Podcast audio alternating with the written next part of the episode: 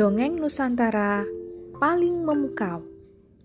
Ditulis oleh Maya Romayanti dan Redi Kuswanto. Diterbitkan oleh PT Buku Pintar Indonesia atau Bupindo tahun 2018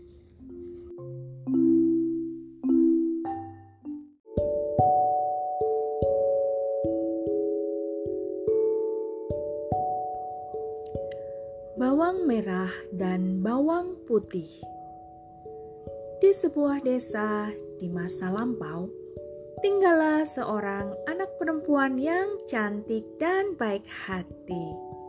Ia bernama Bawang Putih. Setelah remaja, Bawang Putih tak memiliki ibu lagi. Kini, ia hanya hidup bersama ayahnya. Bawang putih adalah seorang pedagang. Ia sering pergi keluar kota selama berbulan-bulan. Bawang putih sering ditinggal sendirian. Ia ingin memiliki teman. Maka, ayah bawang putih pun menikah lagi dengan seorang janda.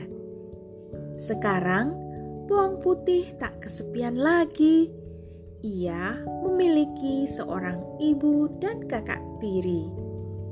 Bawang merah, nama kakak tirinya.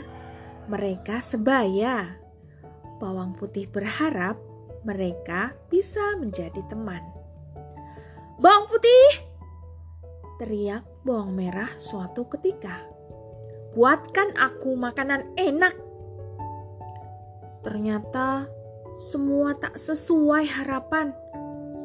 Saat sang ayah berada di rumah, bawang merah dan ibunya bersikap baik. Tetapi ketika sang ayah pergi, mereka sangat kasar. Bawang putih harus mengerjakan semua pekerjaan rumah, sedangkan bawang merah hanya bersolek. Ibu tirinya hanya bersantai-santai saja. Bawang putih tidak pernah mengeluh. Ia mengerjakan semua dengan baik. Namun, ibu tiri dan bawang merah selalu memarahinya. Suatu hari, bawang putih mencuci pakaian di sungai. Tanpa sengaja, sebuah selendang milik ibu tirinya hanyut.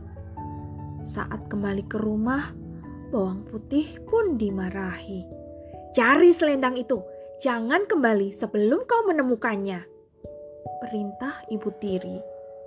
Tapi ini sudah sore, Bu, kata bawang putih. Kami tak mau tahu, cari sampai ketemu. Balas bawang merah. Bawang putih pun pergi mencari selendang itu. Ia berjalan menelusuri tepian sungai namun, selendang itu belum juga ditemukan. Tanpa terasa, bawang putih berjalan jauh ke dalam hutan. Di hulu sungai, ia melihat sebuah gubuk tua. Ragu-ragu, bawang putih mengetuk pintu. Tok, tok, tok. Seorang nenek membuka pintu ada yang bisa aku bantu, cantik? Tanya sang nenek. Bawang putih pun menceritakan kisahnya. Sang nenek memang menemukan selendang itu ketika menjala ikan. Ia bersedia mengembalikannya. Syaratnya, bawang putih harus tinggal di gubuk itu selama seminggu. Selama tinggal di gubuk itu, bawang putih membantu si nenek. Ia mengerjakan semua pekerjaan rumah. Sang nenek merasa senang karena ada yang menemani. Satu minggu berlalu, si nenek memenuhi janjinya. Ia berikan selendang itu. Sebelum bawang putih pulang, sang nenek memberikan labu sebagai hadiah. Pilihlah labu yang kau sukai, pinta sang nenek. Bawang putih lalu memilih labu yang paling kecil. Sesampainya di rumah, ibu tiri dan bawang merah memarahi bawang putih. Mereka merebut labu yang dibawanya. Saat dibelah, ternyata labu itu berisi perhiasan yang indah. Ibu tiri dan bawang merah merasa iri. Mereka lalu menghanyutkan selendang di sungai.